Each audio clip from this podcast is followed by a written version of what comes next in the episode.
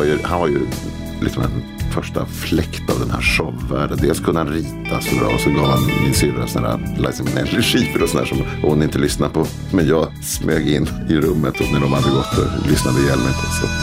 Bastusnack. Hej och välkomna till årets sista bastusnack som är det trettionde i raden. Jag välkomnar denna gång den numera nästan helt utvandrade skribenten, översättaren och textförfattaren Kalle Norlén.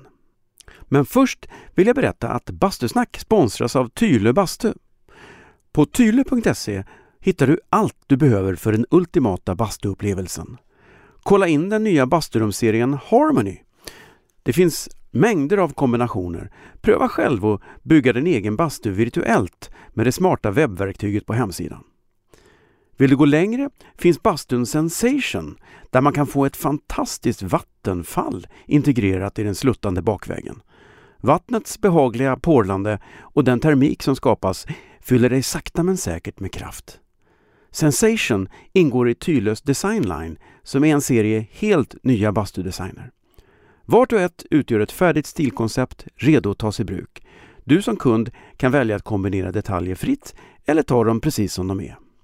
Utforska de många alternativen som ges i Designline och skapa en skräddarsydd fristad efter eget huvud. Allt finns på tylö.se där du såklart också hittar den obligatoriska bastukilten. Ett måste, precis som bastumössan. Tack Tylö för att ni är med och sponsrar Bastusnack. Dagens gäst är alltså Kalle Norlén. Jag lyckades fånga in Kalle när han var på blixtbesök i Sverige över julen. Annars spenderar han ju det mesta av sin tid i Sitges i Spanien där han sitter och filar på texter till diverse manuskript. Har du varit på musikal i år är chansen stor att texten har översatts av Kalle.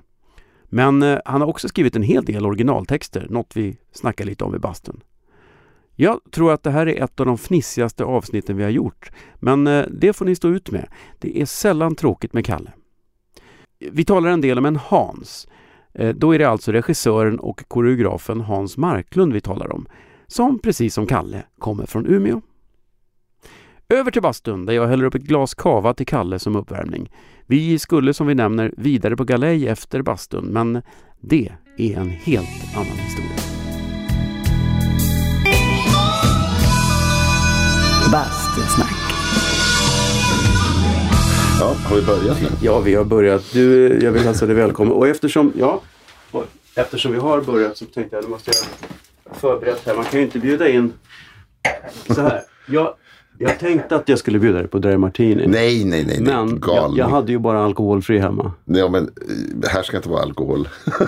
inte, inte när jag, Nej, nej. inte när jag Absolut jobbar, höll jag på att säga. Nej. Nej, men sluta.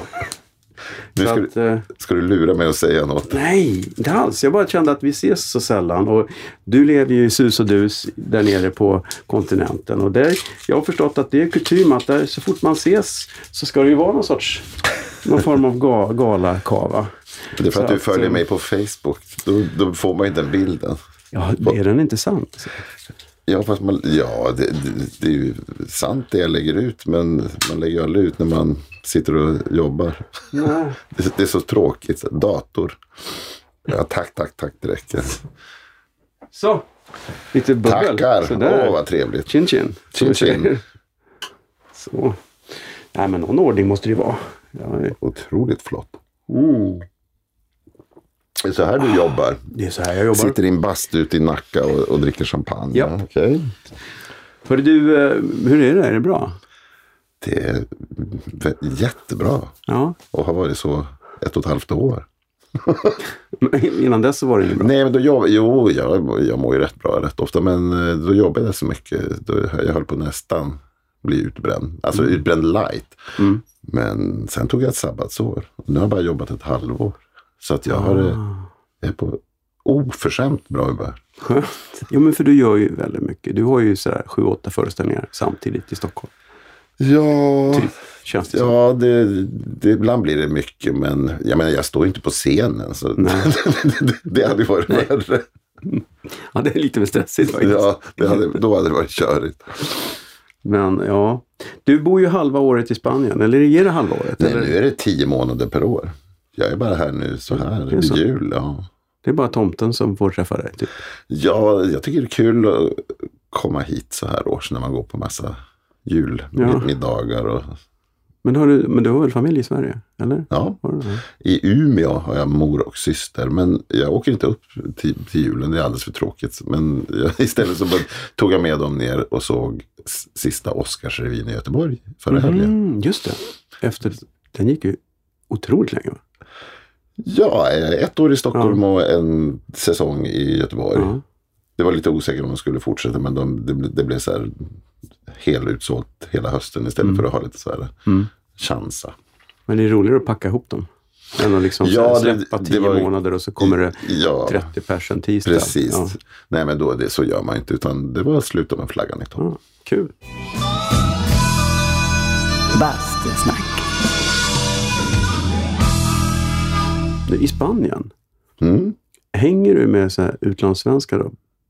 Pensionärer som golfar och... Uh, nej, ja, nej, de golf, inga, inga av mina kompisar golfar. Däremot så hänger jag ju med utlandssvenskar. Alltså det är såna här mycket tjejer som gifte sig med spanjorer på 80-90-talet. Liksom. Alltså, så det är ju det är inte det här vanliga. De har bott de flesta i Spanien i 20-30 år. Mm. Så det är sådana jag har liksom som ett litet umgänge med. Men sen börjar vi bli lite eh, homoherrar som köper lägenheter nu på ålderns höst. De börjar komma, vi är en liten sån koloni också. Men, men jag umgås med en del spanjorer och engelsmän också. Jag sitter inte bara och pratar om, Men du kan spanska? ja, castellano, men inte katalan, inte katalanska. Vad är det för skillnad? Katalanska är ett annat språk. Helt enkelt. För skillnad på svenska och japanska? Nej, men eh, katalanska är ju det som man pratar då i den region Ja. som heter Katalonien. Katalonien, ja. Mm. ja. Som nu vill bli självständigt. Så det är faktiskt... ja. Hur står du där då? Nej, jag mot... Alla som undrar, Nej, som jag- vi undrar. Nej, ja, precis. Jag är, nej, jag är antinationalist. Ja. Jag tycker man ska eh, unionisera sig mer. Mm. Jag har ju noll koll på den spanska inrikespolitiken. Jag har bara sett att de bråkar om det. Ja, nej, och det, det är lite tråkigt för att det är, hälft, det är hälften för och hälften emot. Så att det är många släkter som splittras och inte talar med varandra i juletider. Och, ja. Jag har ändå fått en känsla av att i Spanien är det inte som i Sverige. För i Sverige vi, vi vill ju alltid komma och ha en, någon sorts konsensus. Mm, Vi hatar ju politiska diskussioner vid middagsbordet eftersom vi vill vara överens mm. om allt. I alla fall var det så förr. Jag vet inte om det Ja, är så fortfarande. Jo, men hyfsat. Jo, det är väl så. Men jag har fått en känsla av att där är det väl så att man det är okej att man tycker olika. Nej, det där låter mer som den här mytbilden vi pratar bara om generaliseringar om Ja. Frankrike tycker jag. Att där, gi- där gillar man ju diskussionen för diskussionens skull. Mm. Och liksom intar en motsatt ståndpunkt bara för att så gör man. Men nej, du vet jag åkte tåg härom. Jag har åkt tåg både till Paris och till Rom nu under hösten. Och då hamnar man bredvid sådana här, som man märker är släktingar eller familj. Och det är så oförsonligt. Det är lite tråkigt. Mm. Är det så? Ja. Trist. Men du, ehm, du är född i Umeå. Mm. Hur, hur halkar du in på den här banan? Har du alltid varit skrivande? Mm. Det var liksom bara det. Jag skulle skriva i tidningen Mm. och så skrev jag shower. Eh, och satte upp och var teaterapa. Sån här, som, sån här bakgrund som många, många artister har. Som Mm. alltid gjorde, tog över roliga timmen och gjorde schlagerfestival och sådär. Typiskt. Jag jag är väldigt typisk därvidlag. Men redan då så skrev jag mycket för såna här revyer och sånt där. Mm. Med, av varierande kvalitet. Med. Och höll på med det rätt länge. Sen blev du journalist. Ja, Och sen var du... Och det, det började också med tidigt. ja. Jag gjorde egna tidningar när tills jag fick börja jobba på Västerbottens Kuriren. Eh, en del mm, kommer jag ihåg hade ju liksom ända upp till 30-årsåldern sådär, Åh, vad ska man göra? Men för mig har det aldrig, va? det var självklart. Ja, det, har- det har liksom aldrig, och tack och lov, för om man hade börjat fundera på det, då kanske man hade haft massa andra, Mm. Du vet, så här, veterinär och konstigt. Ja, men sånt där som man ville bli. Jag, pry- jag pryade som veterinär, tror jag. Praoade, eller vad det heter. Jaha. Men du har ju inte ens hund. Katt. Du har katt? Ja. Ja. Fast katt är ju lätt att ha. Så det är ju mindre jobb än en Ja. krukväxt. Det är som en Jag är självvattnande för lat. Jag för, jag, ja, jo men verkligen. Jag är för lat för att ha hund, tror jag. Katter, ska- det ska man ju dressera och hålla på. Måste man? Fast jag De är älskar- ju inte vilda från början. Du. De, de är, Nej, okej. Eller- Fast jag älskar hundar. Jag skulle egentligen vilja ha både katt och hund. Men det går inte om man... vad gör de med katterna? när- de klarar sig själva när de åker hit? Nej, nej, nej. Katten kommer, för, Det flyger, kommer- flyger med mig. Mm. Han har eget pass.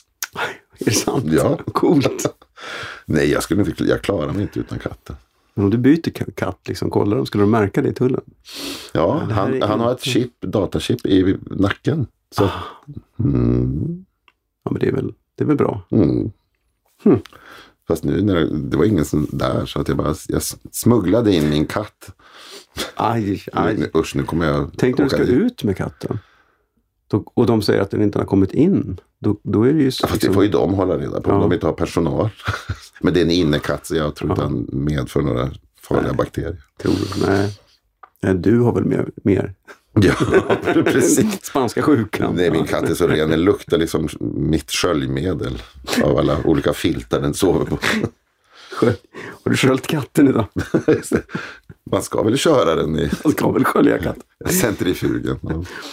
Men du skrev ju, du, du skrev en ABBA-tidning också vet jag. Mm, ja, en av, jag hade ju då två intressen. Det var att skriva och göra tidningar och så ABBA. Så det är klart jag gjorde en ABBA-tidning. Och för att kunna ha någon idé till, eller så- startade jag en ABBA-klubb. Men det var liksom för att kunna ge ut den här hemska Mm. tidningen som jag gjorde. Och så gjorde jag så här på, med karbonpapper som det hette på den tiden. Man tryckte extra hårt på skrivmaskinen så blev det 3x. Just det. Så gjorde jag sex stycken sådana ex och så satte jag in annonser, eller såna gratisannonser i Tiffany och Poster och Zipp och såna poptidningar. Du är för unga för det. Poster kommer jag ihåg. Ja, Poster. Olle Hartvig heter han som gjorde alla de där tror jag. Eller Hans Hartvig kanske. Ja, men i alla fall då. Och sen så åkte jag på, det glömde jag bort det där. Du vet, det var så här, då åkte vi på semester till Mallorca med familjen.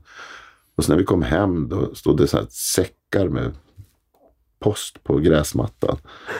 Och brevbäraren hade fått byta distrikt eller liksom fått krympa sitt distrikt för att Abbas dag, det var flera tusen. Och, och, och, och så hade de stoppat frimärken då som betalning för den här tidningen i, i det där och jag kunde inte lösa in frimärken. Så det var lite... Pappa blev arg. Vad fan har du gjort? Men det löste sig. Han- Pappa fick krypa till korset och st- stå och stencilera ut det där på nattetid på det landstinget. Det var så? Han åkte aldrig fast för det heller. Nej, men det var, han var ju tvungen. Ja, det är klart. Han sa ju, nu, du har ju lovat dem en tidning, det är klart de måste få en ABBA-tidning.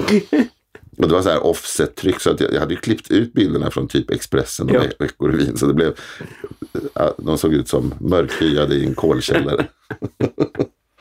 Rent rättighetsmässigt Det var inte så många som, inte helt okej. när de hade fått första numret var det inte så många som återkom. En del återkom. Och sen så fick jag brev från Stickan Andersson att han skulle stoppa det med hjälp av advokat och sådär. Så, men Hur gammal var du då? jag var 15 tror jag. Det är bra. Men hade du några scoop då? Vad skrev du? Nej, nej jag, jag skrev väl av andra tidningar och vad jag tyckte om olika ABBA-låtar. Och sådär. Men, men sen bytte vi namn på den när Stickan kom oss på spåren. Så Ja. då bytte vi namn på tidningen till Butterfly. Den höll jag på med flera år. För vi hade ändå en trogen skara. Jaha. Så hade jag Stockholms korrespondenter och det hände inte så mycket popmässigt i Umeå. Så då hade jag flera olika, en groupie som liksom fick, jag gick in på hotellrummet med alla stjärnor och fick exklusiva hälsningar. Sen Wow. hade jag en tjej som heter Åsa Holmgren som är numera är producent på Göta Lejon som skrev om vad som hände i Stockholm. Hon sprang och, ja, hon var ju lika ung, så hon sprang och jagade ABBA utanför Polar på Banergatan till Östermalm. Vad bra. Men kände du henne från Umeå? Eller? Mm. Nej, nej hon, var, hon var prenumerant på tidningen. Ser du. Så hon sa, vill, du kanske vill ha någon hjälp där uppe i Umeå med någon som bor i Stockholm. fantastiskt. Det är lite roligt. Redan då? Redan då, sen nu jobbar vi ihop. Ja. Vi hade en paus där på 30 år emellan. nu är hon min chef istället för tvärtom. Då kan du vara Citykes korrespondent för, För Göta Lejon. för Göta Lejon-tidningen. Ja. Men har du några exemplar kvar? ja. Häftigt. De måste vara värda hur mycket som helst. Eller? ja, det vet jag inte. De, fin, de finns ju... Jag fick skicka alla till Kungliga biblioteket. för Det finns väl någon sån här lag om att... Mm. Så de finns där. De har till och med någon sån här IBSN-nummer eller vad det heter. Jo, då, jag har kvar dem. Jag har suttit och viftat med dem i tv någon gång. Men du vet, alltså, det, det, det måste finnas hardcore ABBA-fans som betalar hur mycket som helst för det där. Just en sån här tysk, pensionsförs- tysk mil, Ja, excentrisk visst. miljonär. Ja. Ja, kanske, ska- Lägga ut dem på Ebay vet du. kanske om något år när Ja. jobben börjar tryta. Men du, kände du Hans på den tiden? Nej, Hans var tillsammans med min stora syster Maria. Ja. Det var, det var väl den sista flickvän han hade. Eh, jag säger det till min syrra, du måste ha varit usel. Men de, de gick i samma gymnasieklass och var sådär liksom eh, tonårskära och stod och kysstes på busshållplatsen. Jag fick följa med på nattbio en gång, det var lite spännande. Han hade ankellång mockajacka eller något sånt där. Men de, var, de, de hade en liten romans. Jag det var kanske inte var så allvarligt. Innan han pep, pep ner till Stockholm och Balettakademin. ja. Sen var det kört. Han påstår att han har suttit barnvakt åt mig. Men jag tycker om de var 16 så var jag 12. Inte behöver man väl barnvakt. Men han påstår det. Jo, men de kan ju ha varit hemma liksom. När, bara liksom. Ja, nej, men, ja, men han var ju, han var ju liksom en första fläkt av den här showvärlden. Dels kunde han rita så bra och så gav han min syrra sådana här Liza Minnelli-skivor och sådär som hon inte lyssnade på. Men jag smög in i rummet och när de hade gått och lyssnade ihjäl mig på. Så. Han började influera mig redan då. Förstörd redan i Ja, tonåren. precis. Annars hade jag blivit hockeyproffs. ja, precis. hade ju alla förutsättningar. Ja, ja, exakt. Jävla. Hans. Usch, ja, han har förstört många. Ja, vi, vidrig, Uh. vidrig människa. Människa. Gör alla till shownördar. Men du, men pluggade du journalistik? Gick du liksom den vägen så sen? Ja eh, och nej. Jag pluggade någonting. Mina, min stolta akademiska karriär var 40 poäng informationsteknik eller informationskunskap på Journalisthögskolan. Så det var inte själva journalistlinjen men det var något, någon flummigare variant på något vis. Sen gick, men det, gick, det tog jag 40 poäng på. Det är allt jag har pluggat akademiskt. Sen gick jag något som var däremot var jättebra som heter Poppius journalistskola. Det tror jag finns fortfarande faktiskt. Och hade sån här, en sån här gammal riktig Expressen-räv som heter Sigge Ågren som typ var med och startade Expressen. En sån här, han hade en näsa som Ulf Lundqvist serietecknarens näsor. En sån näsa hade han. Så man satt mest och stirrade på den näsan. Men jag, är så, det, det är väl det utbildade jag är. Men då började du jobba som det i Stockholm då eller? Eller du var, du var Ja. i Umeå först. Ja, jag flyttade till Stockholm när jag var 18. Då. Jag hade liksom nedräkning. Jag, jag jobbade en sommar på Västerbottens-Kuriren som reporter för jag tänkte att det är nog svårt i det där Stockholm att få jobb som journalist. Så jag tänkte då har jag i alla fall något CV att komma med. Men jag fick inte alls jobb direkt. Hur skulle jag, jag jobbade på Postgirot och Pressbyrån och dagis och sådär som man gjorde. Så att det, det, det började väl frilansa mig in som så småningom. Jag började frilansa åt mitt livs novell. Jaha. Ja, Jag skrev inte Okej. noveller. Nej, de ja. hade några artiklar där mellan alla. mellan alla novellerna. Och sen ja, fortsatte jag den. Sen kom jag in på Veckorevyn och sen Expressen. och Så. Och sen var det kört.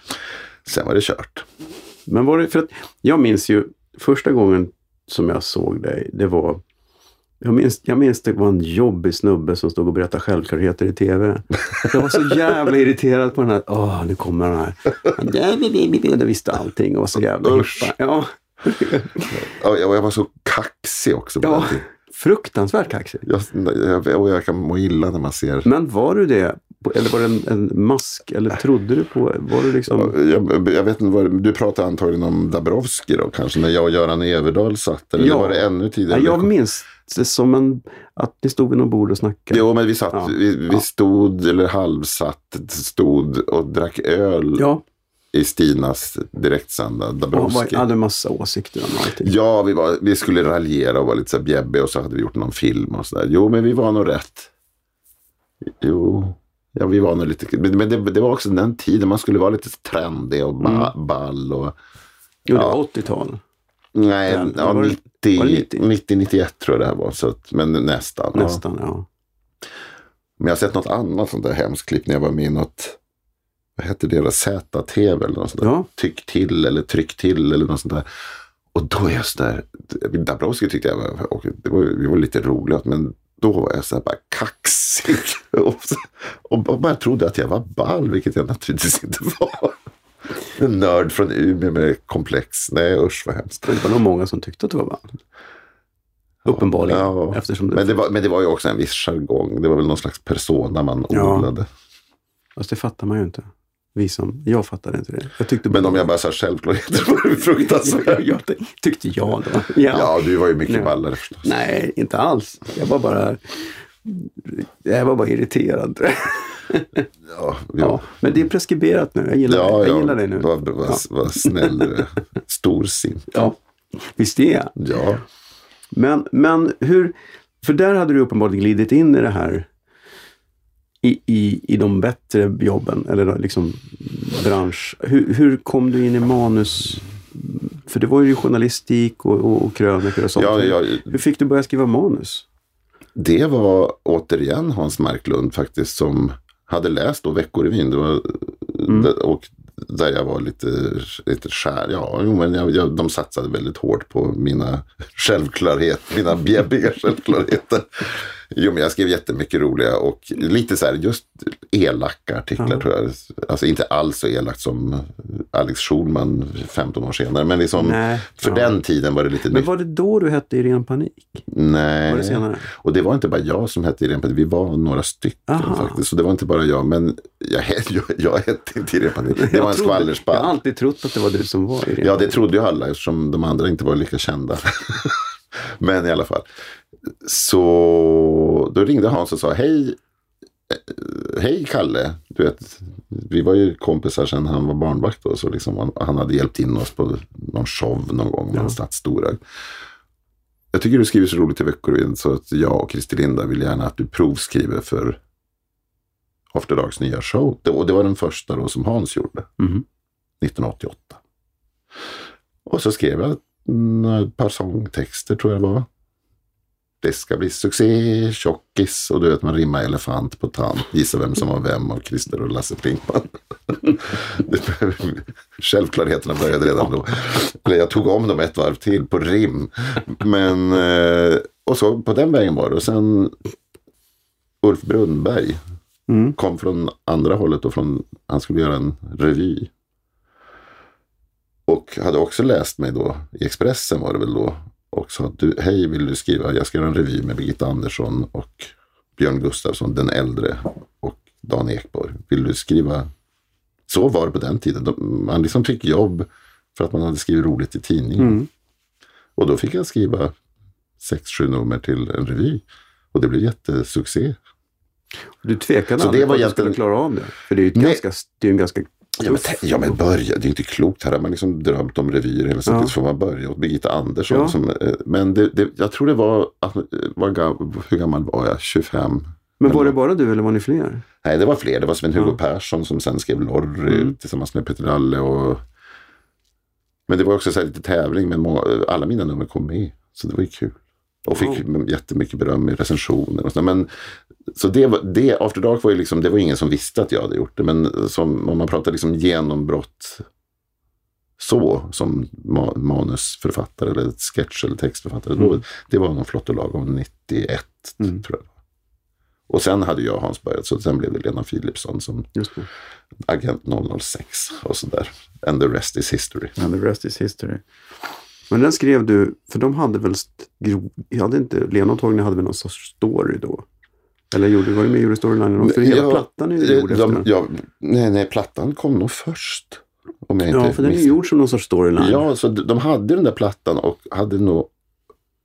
Den var också gjord som en serietidning. Mm. Och det var, Det, eller blandade jag Ja, ihop nu med nej, programmet. det kom en liten serietidning med programmet.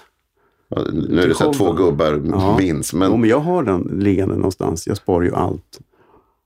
Men var det inte någonting med skivan också? Eller nej, jag kanske, att det var liksom kanske några serier ute på skivan. Jag kan ha fel. Mm. Men hur som helst så hade de ju en eh, låtar som bildade någon slags story. Men det fanns ju inget manus. Liksom. Och då var det en väldigt speciell handling. Att hon skulle vara en lite feministisk Modesty Blaze-agent. Men Ja, huvudfienden var Mac och Mails. Mac och Mails, ja.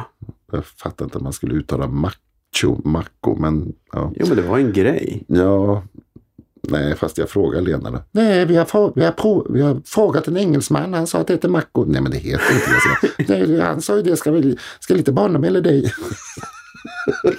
Jaha, jag har alltid trott att det var liksom en grej att de hette Nej, det var ju bara fel.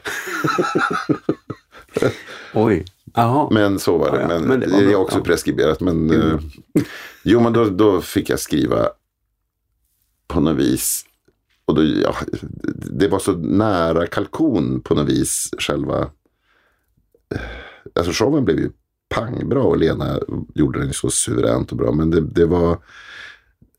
Det var liksom så pekoralsnubblande nära. Om hon bara hade kommit in och tagit sig själv på jättestort allvar som agent. Man, man behövde lite hjälp, liksom att man kan få skratta åt det här. Mm. Så det var väl det jag bidrog med. Men, Ja, sen hade hon ju en viss självdistans. ja, hon hade ju det. Men hon, lov. men hon Ja. visste, hon, ja gud, hon gjorde det suveränt. Mm. Det var ju en sån här dödförklarad show i början. För den, den blev försenad på grund av massa trassel på börsen. Som du vet, Oh ja. du kan ju det här bättre Gud än jag. ja. Men det, det stod i tidningarna då, det luktar fiasko P, med P, stavat med PH. PH, fiasko. Det luktar fiasko skrev man liksom precis tre veckor innan premiär. Det är ju också uppmuntrande. När man har en oklar show och en, en krogscen utan pengar. Och, ja, Ja, Men det gick ju stående, bra. stående skämtet då bland dansarna var ju att åh, idag ska vi få kontrakt. Alla bara ha, ha, ha. Men alla repeterade ändå. Det var, ja det, den har- står sig fortfarande. gud, jättebra. Vi såg ju om den. Ja, Nej, det var härligt. Men jag, minns, men jag minns hur det var, för Lena var ju inte som hon är nu, så respekterad och i- hyllad. Utan hon var ju inte betraktad som fin bland den övriga popvärlden. Du vet, det var lite så på 90-talet. Man var ju fin och hade svartvita LP-omslag. Och, Nej, man men hon bara, var ju schlager. och hon var ju färgglad. Ja. Ja. Så att där satt ju på upprad precis hela scenkanten. Du vet Eva Dahlgren och alla med armarna i kors. Och Mm. De skulle bevittna en stjärnas fall. Och så blev det bara jättekul. Mm. Bastusnack. Du, men visst var du, du var väl inblandad i Lorry också? Lite Nej. Grann. Var du inte det? Nej. Måste jag, ibland, jag. ibland måste jag tänka, nej, Jag hade för Lorry. mig att du jobbade med Lorry. Nej. Reuter och Skog skrev jag några sketcher till. Men det var ju senare. Mm. Då skrev den där Köp Ulla Skog. Som, när Susanne Reuter har Ulla Skog som hushållsredskap. den, den gjorde de jätteroligt. Men nej, Lorry, eh, det, det, var nog, det var ju Sven-Hugo Persson och framförallt Peter Dalle som väl var tongivande där. Ja. ja de hade, jag tänkte att de hade ett antal författare. Jag tror att de hade Karsten Palmér Ja, det var nog eh, också med just det. Nej, jag var aldrig... För jag tänker lite, jag jobbade med Karsten på Fria Pro i Mm. många år. Eh, och så tänkte jag efter, han skriver ju väldigt rolig politisk satir. Men du har, jag kan inte komma på att du har skrivit politisk satir. Har du gjort det? Jo, det har jag vad, vad menar man med politisk satir? Det- ja, det kan- det defi- liksom- då ska vi definiera det först. Okej. Ja, nej, men jag menar, det- det Ja. är klart att jag har skrivit massa satiriska eh, ja, sångtexter. Och Jo, men jag tänker mer när man har ett budskap. Alltså när man, när man gör narr av någon för att... För Karsten vet man ju precis var han står. Ja, du menar så. Ja, Ja. men jag tror du tänker på den här mer gamla att man, man kommer då från ett speciellt håll. Liksom. Mm. Men nej, jag är väl inte känd som en buckard. Ska vi förklara Buckard för de som är under Och det, 70? jag älskar den här podden för det är verkligen det är så många härliga Det referenser. skrev någon, någon tidning skrev om den här podden. Och eh, då stod det just en passus att det var medelåldern på gästerna var rätt hög. Underbart. Och- jag, jag tycker det är så härligt. Det är så smalt. Det är så specialintresse. Klippte Lars-Åke Wilhelmsen av sladdarna på Christer Lindars krog när de skulle ta över. Eller tvärtom var det kanske. Tvärtom. Tvärtom var det just det. Nej, men jag, jag sitter så här med spända öron i, i Spanien och lyssnar. Men jag känner, är verkligen fler intresserade av det här? Ja, jag Ja, tror det. ja, i och för ja, sig. du anar inte. Jo, om Lindar saboterar för Babsan. Det, är, det är en rubri- rubrik. Ja. Men Olof Buckard, Ja, jag, jag blev förvånad att jag själv kom ihåg. Men han var en... I, han var då... Eftersom Bosse Parnevik var imitatören som Ja. var bara sä, säkert inte så, så vänsteraktig. nej, inte så. Och då Buckards nisch var väl att imitera eh, Ja, med, med en politisk udd Ja. och, han, och slå från vänster. Liksom. Han klädde väl aldrig ut sig heller. Han var väl bara röst. jag. Jag minns, alltså jag, Ja, jag, jag- vet ju vem det är, men jag minns ju inte Nej, jag någonting han har gjort. Tyckte det tyvärr. bara passade att strö lite sådana här namn. Buckard. Tutta Rolf. Det kände vänstersatirikern Tutta Rolf. Bastusnack. Du skriver jättemycket för rea. Oerhört mycket. Eh, Mm. Gud. det kom ju beställningar och det var eh, en ganska krävande ensemble att skriva för. Det var ju alltid alla manus nagelfors ju och förbättrades. Jo, men det Innan- om man nu, ibland var det så, ibland var det inte. Men, Men, ja, men det var ju också framgången. ja, Alltså att det, det blev ju en sammansvetsad grupp. mm, Som vi skulle sitta alltid ibland för länge tyckte jag. Men i för flera veckor och spåna fram alla idéer. Sen, Mm. sen skulle jag då, det var mest jag i början. Sen blev det mer och mer Anders Lundin efter ett tag. Men tio år, tio säsonger Mm. skrev jag. mm. Tio säsonger skrev var jag någon slags huvudförfattare. Men, men hela de här åren med rea måste ju varit en, en universitetsutbildning i sketchskriveri. Det måste ju varit en, du måste ju ha lärt dig väldigt mycket Ja, på de åren. absolut. Ännu mer liksom. Ja, jag, framförallt av Sissela då. Som hon, jag älskar ju att skriva för Sissela som, ja för alla där. Men hon är så bra på att läsa manus. Hon ser direkt liksom, svaga punkter. Robert Gustafsson är likadan. Mm. Så här, jättekul, jättekul. jä- Fast det, och så vet, då har man någon sån här liten svag punkt i någon text om det är monolog. Han har räddat något. Ja. Ja, och så känner man så här, om, man, om den har åkt ut och in och så tänkte jag, men jag tar med det i alla fall. Fast du vet, man känner att det är osäkert. Och de, dyk, de två dyker på det direkt och ser, fast det där kan vi ta bort. Jag tänkte ta bort. ja, men de kan läsa just humor. Sådär. Men det är ju de som har lärt mig, eller de, Sissela, Mm. har lärt mig mycket. Och Hans naturligtvis. Men får du mycket beställningar från eh, individer på det sättet? Att nu ska jag göra leda en gala här, kan du skriva den? Eller kommer Ja. beställningen från gala? Inte så himla mycket nu, men jag har gjort det så himla många Mm. år. Nu, har jag, nu sitter jag mest och översätter musikaler. Mm. Ja, det har och ro. verkligen blivit en stor grej. Det tycker jag är det roligaste. Det är så. Det är liksom så otroligt bara kreativt på det roliga sättet. Det finns ingen ångest med i det. Eftersom någon annan har ju redan tagit... Innehållet finns ju. Ja, Ja. eh, om det är en bra musikal, och det är det ju förhoppningsvis. Och det är ju oftast eftersom den ska sättas upp i Sverige. Men så är det liksom någon annan. Det finns ett början och ett slut och jag ska bara förgylla och liksom göra Mm. det bästa. Jag tycker det är, det är nästan oroväckande roligt. Det är roligare att, än att skriva själv.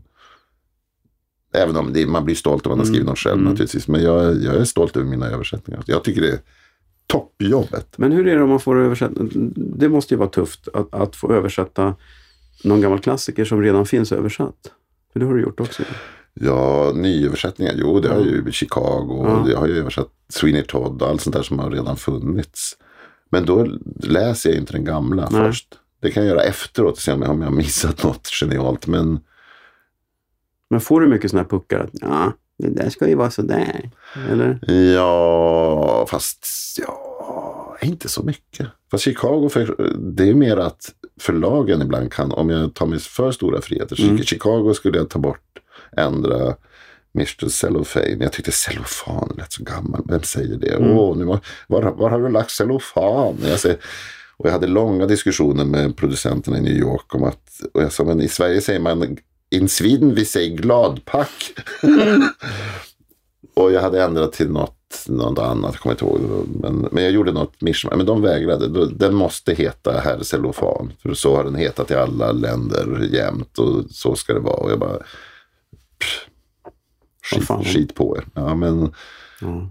men jag gjorde någon variant, så jag sa cellofan jättelite i texten. Och så tog jag mina snygga f- flyktinggas och vattenglas istället.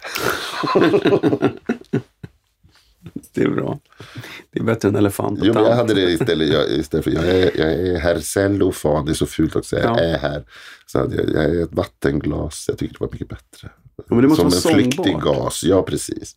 För det tycker jag du, om jag ska plussa och smöra som jag tycker om att göra med mina gäster, Mm. så har du utvecklat Shoot. sångbarheten i dina texter Mm. ganska ordentligt. För jag hade det här problemet första tiden ibland att, att Hans kom och sa Man hör inte vad han sjunger i den här låten. Kan du hålla ner musiken? Och så tar man bort all musik och hör inte ändå. Så är det för att den inte... Mm. Nej. För det är en speciell konst att skriva en text som den, på pappret är den jätterolig men när man sjunger den så är det... Men det är ju sånt där som... Nej, och det har jag säkert då blivit bättre på med åren. För det är ju sånt som man verkligen har lärt sig av artister Mm. och att själv höra. För jag är ju ganska intresserad av att mina texter hörs. Såklart. Men om den där långa tonen på slutet är ett ord som hurts så är det dels inte så kul för sådana som din fru. Och, och sen är det ju, det hörs ju inte. Liksom. Hurts. Va? Hurts är väl det värsta ord som finns. så, ja. Nej, men så med mycket vokaler och sånt där. Och det är ju så att i slutet på mm, sluttoner så ska det ju vara ä eller a, Ja, ja. a eller å kan det vara. Det ska inte vara i. Eller. I, inte de här... s- Garage är ingen bra slut. Men, men ibland så slutar man på i ändå. Att, nu i Billy Elliot så var jag tvungen, det, han måste bara, jag är fri. Det går liksom inte att jag är jag. Alltså det ska vara fri för det är så otroligt viktigt. Och då går det Mm. ändå. Men det är ju inte lika snyggt. Eller det blir inte lika stora munnar liksom. Men det vore en utmaning för sig att skriva en sång som inte går att sjunga. Den osjungbara sång, sången. Det är en bra nummer. Ja, det är jättekul. Mm. Du får det.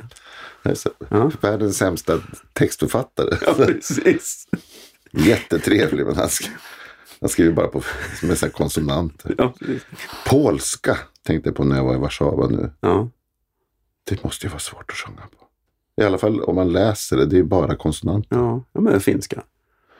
Ja, Alltså Kalle, Kalle Moraeus har ju sitt eh, standardnummer Ja. när han kör Jailhouse Rock på finska. Och det får inte plats på textraderna. Det är alltid... Ja, men det låter som den där, vad heter han som jag spelade mitt, ett av mina sommarprogram.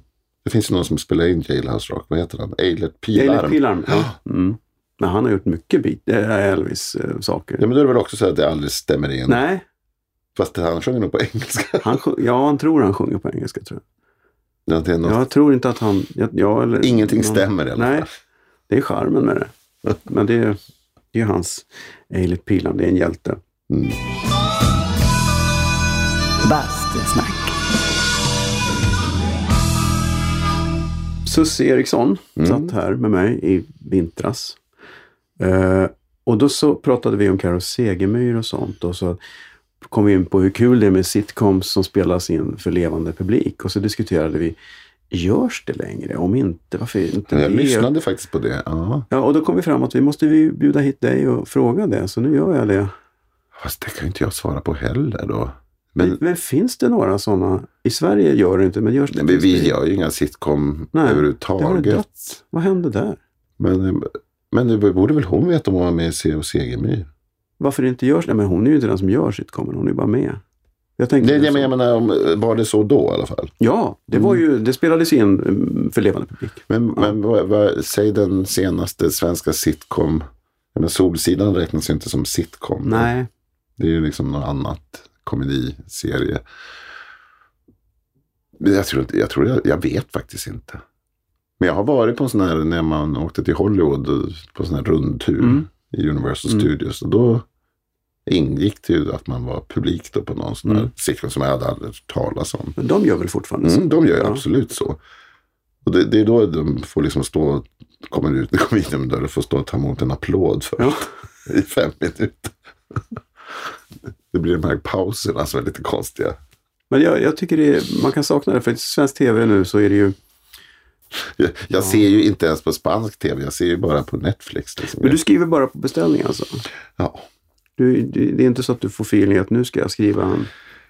Det var väl meningen att jag under mitt sabbatsår skulle kanske börja skriva ihop någonting lite mer eget. Men det var så härligt att sitta på stranden och dricka öl. Du är lat alltså? Jag är extremt lat. Det är bara med piskan över... Jag måste ha en Du jobbar under press. Leverera på fredag ska vi ha en och en halv timme Mm. kul. Ja, och jag levererar alltid tid. Ja. Det är ju så jag överlever. Men ja, nej, jag, jag, jag lat är jag inte heller. Jag, är ganska, jag jobbar ju flitigt, men jag har inga problem med att koppla av länge. Proffs. Jag, jag har ju flyttat till en badort. Men det är ju det. Du, Mm. du sitter på stranden. Ja, fast nej, jag, jag jobbar hemma. Det går inte att, det här med att sitta och jobba med en laptop på stranden eller på ett café. Jag kan inte ens, som många gör, sitta på ett café i Stockholm. Nej, det måste man göra hemma. Du Liksom. måste ju fokusera. Ja, jag är för, nej, Måste du ha tyst? Eller skriver du med musik? nej aldrig musik. Det måste vara tyst. Det- Och stänger du av telefonen och sånt där måste du få vara i fred. Fokusera. Nej, nej, jag går in på Facebook hela tiden. jag är fruktansvärt odisciplinerad. Och om jag skulle stänga av Facebook och mail och allt sånt där, då skulle jag ju översätta musikaler på dubbelt så långt. Ja, så det Men, men det blir ju en ja. Mm. paus också. Du vet om man kör fast på någonting, då går man ju ut och tittar och läser Expressen och Aftonbladet. Carola lurad. Eller någon sån här klickbete. Bastusnack. Men vad gör du där annars då? När du har skrivit klart för dagen? Då går jag till lunch. Ja. Du, skriver, du är morgonskrivare? Ja, jag går ju upp extremt tidigt. Jag går ju upp halv sex. Eller extremt, det är inte för småbarnsföräldrar som du kanske är vardagsmat. Men jag jobbar ju väldigt bra på förmiddagarna. Det är då jag jobbar i princip. Och sen tar man ju inte lunchen vid två där. Eller ett, två. Så att efter lunchen så är det siesta och sen är liksom dagen klar. Nej, om det inte är något... Inte, jo, men då har jag jobbat mellan sju och två. Ja, ja. Men alltså då, inte om jag har någon sån här, jag håller på med lämning, då jobbar jag på kvällen också. Men det är ju inte timpenning du har direkt. Nej. Det är ju Ja, resultat. ja precis. Men när man är mitt, när, när det var så nästan utbränt, det var väl 2014 till 2016, för då hade jag liksom, vad var det, f- 15 premiärer på två år eller något sånt där hysteriskt. Och då, då jobbar man ju så här på nätterna och så tills man går och lägger sig klockan 11 och så upp 6. Och då är det så att de, man, man vaknar och har precis där man slutade i skallen. Så man, om man något rim som man inte har löst. Så man, man, man tänker på det hela tiden medan man äter frukost. Då är jag så inne i det så jag kan, jag kan isolera mig. Och, och det är ganska skönt. Jag har ingen familj så Nej, jag, kan ju liksom... det jag satt och tänkte på. Du har, hur går det då? Du har aldrig känt att du vill ha familj då? Nej, du menar barn och så? Ja, Eller menar du ett förhållande? stadigt förhållande, bo Ja, jag har ju haft det. Jag har ju haft det. Både flickor och pojkar. Men eh, jo, det skulle väl kärlek är väl trevligt. Ja. Men jag, är ju, jag trivs ju väldigt bra. Ja, inte utan kärlek. Det behöver man ju alla människor. Mm. Men jag har ju aldrig haft några problem med att Jag har tyckt det varit trevligt att vara tvåsamhet. Men jag har ju inget problem med att vara singel. Singel låter så konstigt. Men en, ensamstående. med Frilans. Frilans. Frilans med katt. Men jag skulle inte klara mig utan katt. Nej. Det märkte jag. Det var en psykolog, Perna Rosken, som sa det till mig. att Egentligen borde inte du, när min förra katt dog, jag skulle skaffa en ny. Sa att han tycker att du borde träffa någon. Mm. Och då märkte jag att när katten dog, då kände jag mig ensam. Jag har aldrig känt mig ensam, men då kände jag mig, oj. Så Per sa, men skaffa ingen katt och skaffa en pojkvän istället. Jag skaffade en katt. Ja, men den trivs väl med att åka fram och tillbaka. Så det är svårt att ha ett förhållande när man är... Men nu är det i och för sig mer och mer där, där nere. Ja, nog skulle jag kunna ha, men ja, jag, ja vi får väl se. Men barn är uteslutet då, eller? Ja, ja, jag är för gammal. Du tycker inte om barn? Jo, jag älskar barn. Det var min lyckligaste period i mitt liv när jag jobbade på daghemmet Ja. på Värtavägen. Det var, barn är väldigt bra för en, tycker jag. Nu ska jag sitta här och säga, du, du Mm. Men kan du kan ju hänga här. Som, du kan få jobba som barnvakt lite om du vill. Skicka dem till Ja. City, till Spanien. Ja, precis. Och shit, du ska inte klara två dagar. Nej, det kan jag tänka mig. Jag är ju väldigt egoistisk och liksom vill ha livet som jag vill ha det. Och det är ju svårt både för ett eventuellt förhållande för barn. Eller för barn, då, då måste man ju ändra sig på sig. Helt enkelt. Ja, ja, jo, jag vet. Eller? Både och. De måste någonstans också acceptera vilken familj de bor i. Och lära sig Mm. att så här är det. Fast... ehm, Här är det oregelbundna tider. Ja, så är man Barn älskar ju regelbundna tider. Ja, ja, jag vet. Men, eh, jo, men de har nog regelbundna tider. Var Morgnarna och så. Och sen Mm. så kväll, även kvällarna, oavsett om vi är hemma eller inte, så är det ju samma regler, samma tider. Men vi kan ju vara borta båda två. Det, det- shit, jag är uppväxt så själv. Mina föräldrar jobbar på teatern sex dagar i veckan. Barnvakterna passerade revy. Men så blev du ju helt skadad Ja. också. Jag vet. Du menar att de kommer att bli... Ja, Nej, de är nog redan förstörda. det tror jag inte alls. Bastusnack. Men vad gör du nu för någonting? Då får du berätta. Eller har du så här, sist, jag kommer ihåg de här mystiska bilderna nere på Facebook. Man bara, du sitter med, med Björn Ulvaeus där och bara, vi har något på gång. Ja, jag, tror jag är tvungen att lägga Ja. Björn Ulvaeus sitter på min veranda. Ja. Jag, jag, det här är för stort för mig. Nej, men nu har jag eh, precis översatt en pjäs för Stockholms stadsteater. Den är då hemlig ett tag till eftersom de inte har gått ut med det. Men jag Mm. kan säga vad jag ska göra i vår. Det är två musikaler som jag ska Mm. översätta. Det, för de är offentliga, tror jag. Jo, det är de. Först är det On the Town, som är en dansmusikal. Om du kommer ihåg den här filmen en film med Fred Ast- nej, Gene Kelly och Frank Sinatra och en tredje som man aldrig kommer ihåg vad han heter. De är tre sjömän som kommer till New York. Ja, Jag ser- minns, jag får bilder framför mig. Ja, du, du ser bilder. hurtigt, ja. Jag säger hurtigt och så är det René Mirro, och Kalle Dajal och Hanna Lindblad, en känd danstrio. Roine Söderlund ska regissera. Så den ska jag göra och sen ska, när jag är klar med den någon gång i mars så börjar jag på Something Rotten. Mhm. Som är Det låter som Hamlet fast... Mm, det är liksom, den driver med hela den tidens Shakespeare och sådär. Fast den driver liksom med privatteater och Broadway samtidigt. Väldigt skojig. Mhm. Sen ska jag göra, sen, sen är det sommarledigt. Och sen vet man inte. Sen vet man inte, nej Mm. faktiskt inte. Sen har man ju lite, till exempel lång pipeline. Men, men jag tar gärna ledigt i sommar. Om jag, ska till New York nu och titta på lite saker. Och då tänker man alltid, hmm, om den här dyker upp i Stockholm. Hmm, man vet aldrig. Mm. de är så snabba nu och det är liksom lite huggs. Alla vill ju göra musikaler. För nu, det är inte bara privatteatrar utan alla institutionsteatrar har fattat vad publiken vill gå på. Så det är ju det är slagsmål. Ja, det ska bli spännande att se. Mm. När Hamilton kommer hit, till exempel. Ja, Eller eh, men vad heter den då som jag blev rekommenderad att se? Um, Dear Evan Hansen. Ja. ja. Och jag är avundsjuk på alla som har sett den. Jag är jättesugen på den. Men nu slutar Ben Platt i den. Mm. Och då skulle man ju ha... Ja, för vi bestämde just att vi sket i den och Mm. faktiskt ut. Vi ska gå och titta på, eh, vad heter han då? Eh, En, en, en one man show med ehm, John Lithgow. Stories by Heart. Och så ska vi se Springsteen förstås. Ja, naturligtvis. Den kanske du kan översätta? Springsteen? Och så låta Lasse Berghagen göra det. Kanske. Ja. Eller Markoolio. Ja, Jag tror inte man ska översätta Bruce Springsteens liv till en svensk, svensk artist. Nej, mycket. Ja. Men, men vad bra det verkar gå och vad bra det verkar vara. Det kom, Ja, någon, det kom någon recension, Ja, det kom så- en recension nu i DN. Lite Ja. sådär. Ja, de har väl inte fått biljetter innan dess. Det är ju hopplöst att få biljetter. Jag såg att Vad de jobbigt för Dagens Nyheter. andrahandsbiljetterna är uppe i 40 000 nu. Det är... Dear Evan Hansen kostar bara 4 000. Får man väl gå och se den. Det är ganska mäktigt det också. Ja, men Hamilton har väl folk betalat 7000 kronor. Ja, De här som såg den i början. Nu kanske det börjar lätta lite. nej, det är nog samma tryck. Det, är- Ja, jag måste dit snart Ja. igen. Nu det är lite abstinens nu. ja. det har blivit dags för Skämskudden. Herregud vad pinsamt. Skämskudden. Nej, inte den där gamla demon. Hör du, eh, du, vi har ju ett inslag här som heter Skämskudden. Har ni hört talas om den i Sittkassan? Ja då. Alla spanska tanter pratar om det. Du hade med dig en liten skämskudde. Ja, Kan du? Det, jag hade ju en väldigt kort karriär. Eller inte så kort, men den, den avslutades väl med det här tror jag. Jag var artist.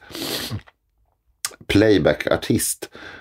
Eh, jag och en tjej som heter Ann-Marie Jonasson, en klasskompis i Umeå. Och vi åkte runt på ungdomsgårdar och sådär. Och vann också faktiskt Barnens dags talangtävling. Först Norrlandsfinalen i Skellefteå och sen i Stockholm på Södra Teatern.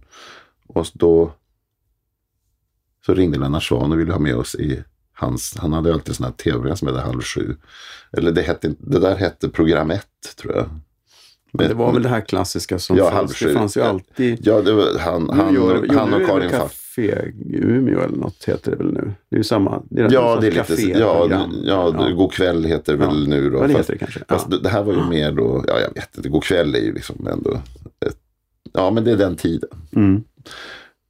Eh, så då var vi med där och det gjorde vi var väl inte så jättebra i tv. Men eh, vi, vi hade då ett nummer som vi körde överallt. Och som vi hade haft på talangtävlingen. Men sen då det, skulle vi klippa ihop det till tre minuter. Och så, det är inte så kul att lyssna på Spike Jones och playback i Nej. radio. Men i inledningen, om jag minns rätt, så har vi någon slags ramsa. Mhm. Antagligen inspirerad av Povel Ramel och Wenkes när Jag diggar dig, jag Ja. diggar dig. Så då skulle vi försöka göra något litet. Ja, vi kan ju lyssna. Hur gamla var ni här då? Jag var 16 och hon var 17. Ja, spännande. Ja, men vi kollar. Uh, uh, ska vi se här. Lennart Svan får börja prata här tror jag. Många gör det dåligt. Men här är ett eh, mycket ungt par ifrån Umeå som ska göra någonting som jag tycker är väldigt bra. Varsågod! Oh, tonight the club with David Bowie, Flower Power. We like to disco, we love the disco sound, yeah. Tina Charles and Penny McLean, Lady Bump och Dancing Queen. John Travolta, disco dance. On Abba, take a chance. Veckor, vin och glitter, sexproblem och fnitter. Inga tjejer gillar mig. Inga killar ser på mig. Alla går och deppar, får ångest och leda. Alla har problem för det sa sig efter fredag. Närkontakt av stjärnornas krig, space-version av Edvard Grieg. Du hör väl vad som sägs du? Allt ska vara space nu. Barnhem i rymdraket, Elvis död julpaket. Jag har inte fått mensen. Lever dekadensen, nostalgi och hysteri 80-talets frenesi, vi måste leva ut Livet är snart slut. Punkrock är det enda, hakkors på min enda. Vi vågar släppa loss, vi drogar oss, vi drogar oss Bum chicka bum chicka disco disco frisco Alla ballar, kyssta brallor, lever lever stobber på Har du Wrangler? Nej men oh! Puss och kram och gul och blå, far och son med spänner på Silverdollar, Rocky, Frisco, Ball och Louis Disco Disco Vem är jag? Vad vill jag? Vad gör jag? Hur mår jag? Spelar roll Jag ser det en bild bara. Och sen så, Står du och väntar bakom en skärm? ja jag stod, jag visste inte att den var genomskinlig. Ja, Ja, nu är det, det playback här. Så att ja. Nu får vi... Resten av det här inslaget Men det var ju lite fräckt. Hakkors på min ända. Det var ju väldigt, Ja. ja, det var provokativt. Och du säger att jag inte har gjort politisk satir. Jo, Vad jag- är det där om inte? faktiskt Det där är ju satir över Veckorevyn och 80-tal. Faktiskt. Fast det var 78. Men vad var kläderna satir över? Jag, jag hade då en tjejkompis som hette Ylva Göransson som sydde alla våra revykläder. Ja. Och så hade jag någon dröm, jag tyckte grått var väldigt snyggt, att jag skulle ha, att, ja det går inte, det här är ju tråkig radio, men alltså jag ser inte klok ut. Jag har någon slags stickade, en stickad kroppsdräkt och över den hänger en silvergardin kan man säga. Det ser ut som någon har klippt... Det ser ut som att du egentligen haft en långklänning men någon har klippt av den strax under bröstet. Ja, hon har fått nederdelen, kanske. ja, det skulle ju matcha då på, Ja. någon, på någon, men, men det glänser ju väldigt fint. Där köpte man då på stuvbiten Ja. i Umeå för 29,90 meter. Allt glansigt.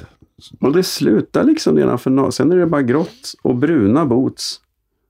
Inte riktigt matchande kanske. Och Lennart, Sva- Lennart, Lennart Swahn tyckte jag såg trevlig ut. Mm. Men det kanske han hade andra anledningar till att tycka. Han rekommenderade då att det är ni som håller på med playback. Jag vet inte, jag kan inte härma Lennart Swahn. Det ni gör ju väldigt bra.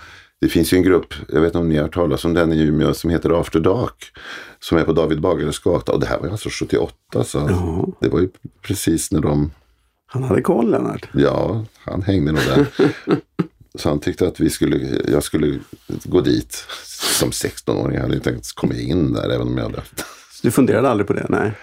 Nej, sen kom jag ju dit när Hans Marklund bjöd in oss till Surprise Sisters. Men då, var jag, då hade man ju fyllt 18. Mm. Alltså man, man, vi hade inte kommit in. Tror jag. Jag vet inte hur det var. inte. Jag, I, de I där, de kläderna I de hade där kläderna hade jag nog... Ja, men jag hade nog blivit väldigt uppskattad. Eller inte. Ja, se hela videon på Bastusnacks Facebook-sida. Jag rekommenderar den varmt. Det är Exklusivt. helt fantastiskt. Exklusiv. För första gången. Jag tyckte inte det var så dåligt förresten nu när jag hörde på det. Jag trodde det skulle vara värre. Ja, nej men Det var ju lite repeterat i alla fall. Ja, ni kunde det ju Ja, vi hade lärt oss utantill. faktiskt. Men jag tycker det är också typiskt sån 70-tals-tv. Det är en kamera Mm. och den rör sig lite. Det är, Och numret är ändå tre minuter långt. Eller drygt. Två, tre, ja. Ja, Det- ja, mig, vi fick, vi fick, det var väl åtta minuter och Då klippte ni ner det. ja, fick jag klippa ner det. Eller? Det vill spela, spe, du vet, det fanns ju ingen att klippa med på kassettband. Man fick spela in alla snuttar igen Ja, på ett ja, nytt kassettband. Det, det fanns ingen redigering. Nej, det är klart. Inte i Umeå i alla fall. Nej, det har inte kommit. Nej, Just det. Redigeringen kom till Umeå på 80-talet. Det är därför det inte gjordes såna här långfilmer nu. Nej. Det fanns ingen som kunde klippa. En tagning. Bastusnack.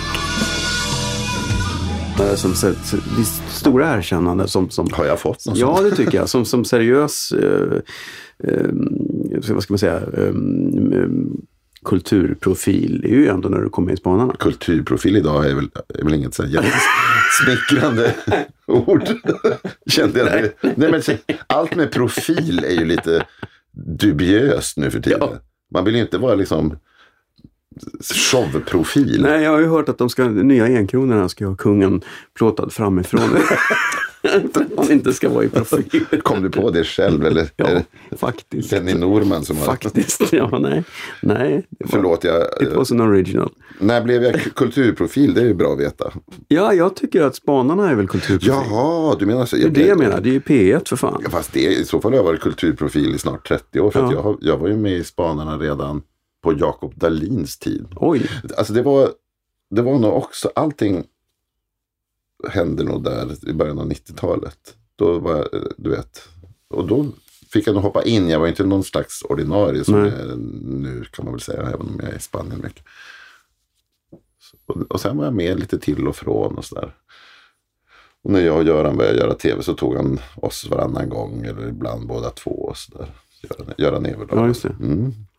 Men eh, det, ja, jaha, är det kultur? Ja, det kanske är. Ja, det skulle jag säga att det är. Ja, visst. Och det är i alla fall en ära att få vara med där Ja. fortfarande. Men det är lite kul också, för nu är vi ju lite... Då var, man- då var, då var man väl där i egenskap av det unga trendörat mot marken. Mm. Nu är vi ju liksom 50 plus. de, de, de, flesta som är med där. Jessica Gedin, Jessica ja. Gedin är vårt unga klubbkid. Hon, är vårt unga, hon började som vårt unga alibi. Okej. Och, och hon är väl också lite äldre. Ja, hon är inte klubbkid längre. Fast hon ser ut som ett klubb, ballt klubbkid. Ja, i och för sig. Det gör ju du också. Ja. Ja, det, om man släcker lite. och så, rent av sexy på håll som Anders Björkman skrev om Siw Malmkvist och. Lill-Babs. Ja. Taskigt. Ja. Men det var, när var det? Det var tantshowen på börsen. Jaha, men då var de ju bara 60. Nej, och de, gjorde Jaha. nog, de drev med det efter också. Men det, var, det, var ju, det hade han nog inte gjort idag tror jag. Den liksom... Nej, rent av 60 Sexistiska. Nej, jag tror inte han hade gjort det idag. Kan man, ja. Men tycker du det är svårt, om man nu ska halka in på hashtag-spåret, när, när du skriver nu, när du skriver sketcher och roligheter, för det, det finns ju massa under bältet att skriva om som är jätteroligt. Tänker du till en extra gång nu? Ja, men det tycker jag man har gjort rätt länge. Alltså, eh, även före metoo så har vi ju blivit väldigt lättkränkta och sådär. Sen är det en balans då. Var man ska gå och vad, vad, är, vad är kul. Och är det kul att vara fördomsfull? Ja. Men alltså, vi löste det och på Oscarsrevyn så tänkte jag, men det, här går, det går ju inte att skriva en revy Nej. idag med Robert Gustafsson. Och, och liksom fräcka skämt. Men då, då kan man driva med just det här. Vi har, vi har ett briljant nummer, om jag får säga det själv, som det var Roberts idé. Vi skrev det ihop när han ska spela någonstans som säger fel hela tiden. Och då, tar vi, då, men då går vi igenom på racerfart alla eh, talar för döva öron, blinda, eh, transpersoner. Du vet, det bara sprutar och då, då är det okej. Och då folk, och folk skrattar ihjäl sig. Och det är också någon slags uppdämt behov. För de förstår att det goda syftet med numret. Så att det liksom, det får aldrig bli den här osäkerheten. Vad, vad vill de med det här Nej. numret? De vill, vi vill bara spegla ängslighet. Så man, man får gå den vägen istället. Då får man ju säga alla de där orden fel. Och, lite, och snusk. Men det blir i ett okej syfte. Så man får, man får vara skickligare helt enkelt.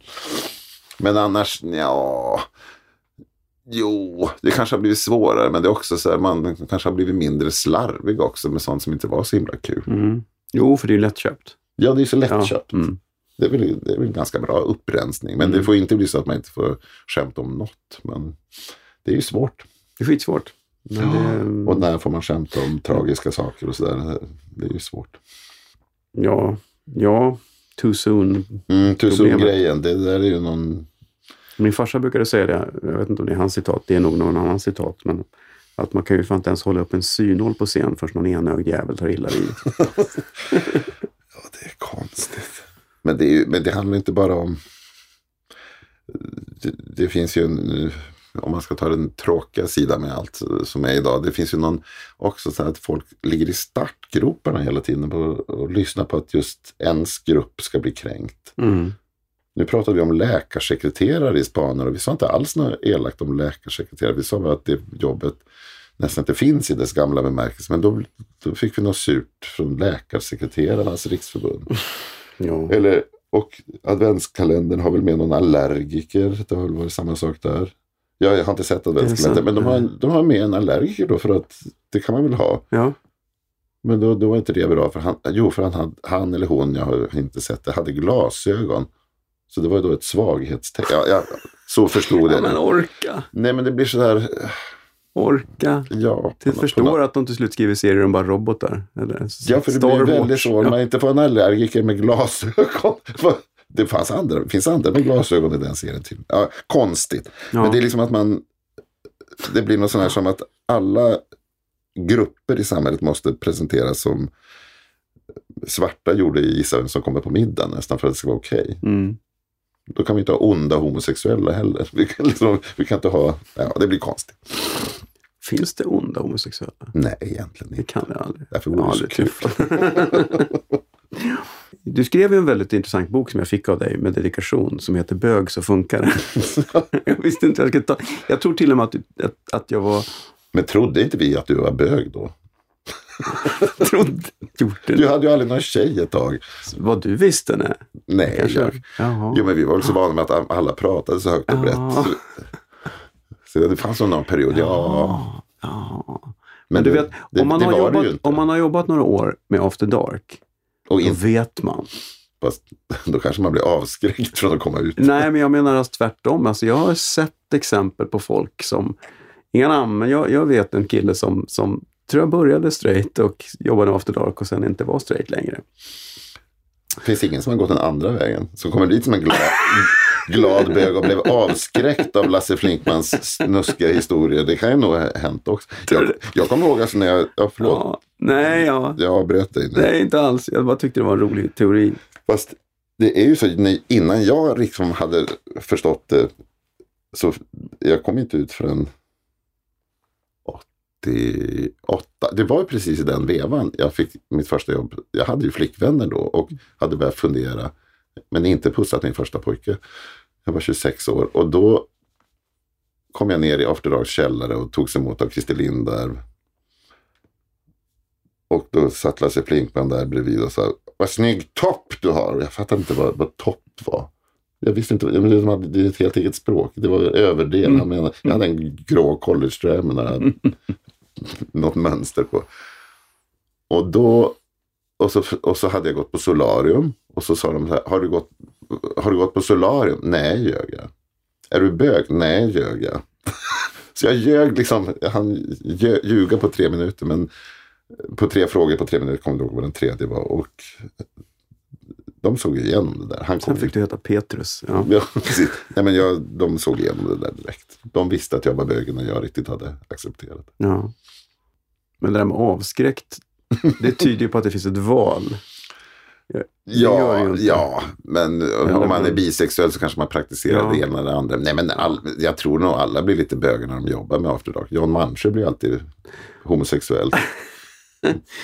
Ja, på till det yttre kanske. Ja. Metrosexuell. Han sveps ju Ja. det. Han älskar ju att men det är ju fjolla. väldigt roligt. Det är, ju- Han är ju så det är- underhållande som ja. fjolla. Det handlar inte om vad man praktiserar. Det handlar om en attityd. Att vara fjolla med Ja, men det är ju mycket, de är ju mycket roligt. Det var ju som Peter Sipen sa i någon intervju. Ja, Han hade ju ett ex- extremt gay-rykte. För att han tyckte det var så kul att festa med gay-folk. Ja, och så ser han, han klä, klär sig ju som Eartha Kitt. Ja, Jag träffade honom på Ica bara för Ja. några dagar sedan nu. Ja. Han är så fin. Han har ju, men det är ju så helt Flamboyant. sen. Ja. Ja. det är flamboyant var ett jättebra ord. Det är lite så här lite leopard och lite rött och lite gult och lite lila och glasögon. Man blir glad. Jo, men jag var inne på någon butik häromdagen. Som en såg lite julgran snygga, in, jag ja. såg lite fräcka kavajer som var lite så här. ah, va. Och då var han där. Det var bara han och jag. Och han stod och bläddrade bland samma kavajer. Och så tänkte jag, om han är inne på de här kavajerna kanske inte jag ska ha dem. Det är inte riktigt Du min stil. vågar David. Nej, då köpte inte jag dem. Jag vet, han kanske tyckte de var för mesiga. Vad var det för kavajer undrar jag. Ja, det var några jävla mönsterspräckliga röda. Ja, men du kan, ju, du kan väl ha det? Du jobbar ju showbiz. ja, men det kanske inte alla vet. Jag ska ju vara egentligen, ja men som den delen av showbiz jag jobbar i ska jag ha svart jämt ju. Jag ska ju vara svartklädd.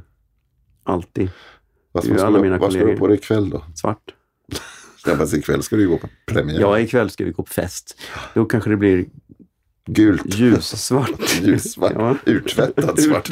Så festligt att gå Ja. med dig på premiär. Men du, hörru du, eh, innan vi går så måste vi faktiskt, jag har faktiskt hackat hål i isen. Jag tänkte att du ska fan med bada isvak. Det är nu jag känner att vår vänskap tar en abrupt vändning. Ja, det är nu jag känner att champagnen tog plötsligt slut här. Ja, men okej, jaha. Ja, är inte du svettig då? Det börjar ju mörkna här Ja. nu, så det blir väl bra. Så, så inte några grannar får... Nej, chock. ingen kommer att bli rädd.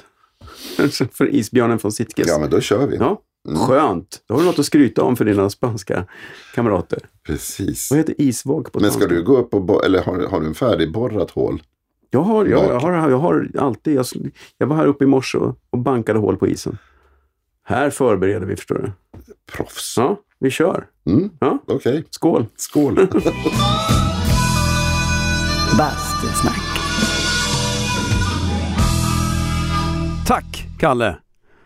Modigt av dig att trotsa den svenska vintern och kliva ner i det isiga vattnet. Men han kom fort upp, kan jag säga. På Bastusnacks Facebook-sida kommer jag lägga upp lite bonusmaterial. Till exempel filmen med Small and Tall som ni bara hörde ljudet av här. Den är sevärd, jag lovar.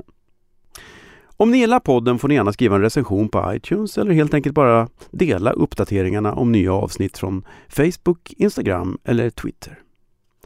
Bastusnack sponsras av Tylö Bastu. Gå in på www.tylö.se och kolla in deras nya serie Harmony Basturum. Det finns mängder av kombinationer. Prova själv att bygga din egen bastu virtuellt med det smarta webbverktyget på hemsidan. Eller beställ en bastukilt. Grymt smart produkt för oss som är trötta på handdukar som halkar ner. Tack till Tylö för att ni är med och sponsrar Bastusnack. Nu tar Bastusnack jullov och återkommer i januari, men eh, ni kan ju alltid passa på att lyssna ikapp på de avsnitt som ni kanske har missat tidigare. God jul, gott nytt år och basta försiktigt!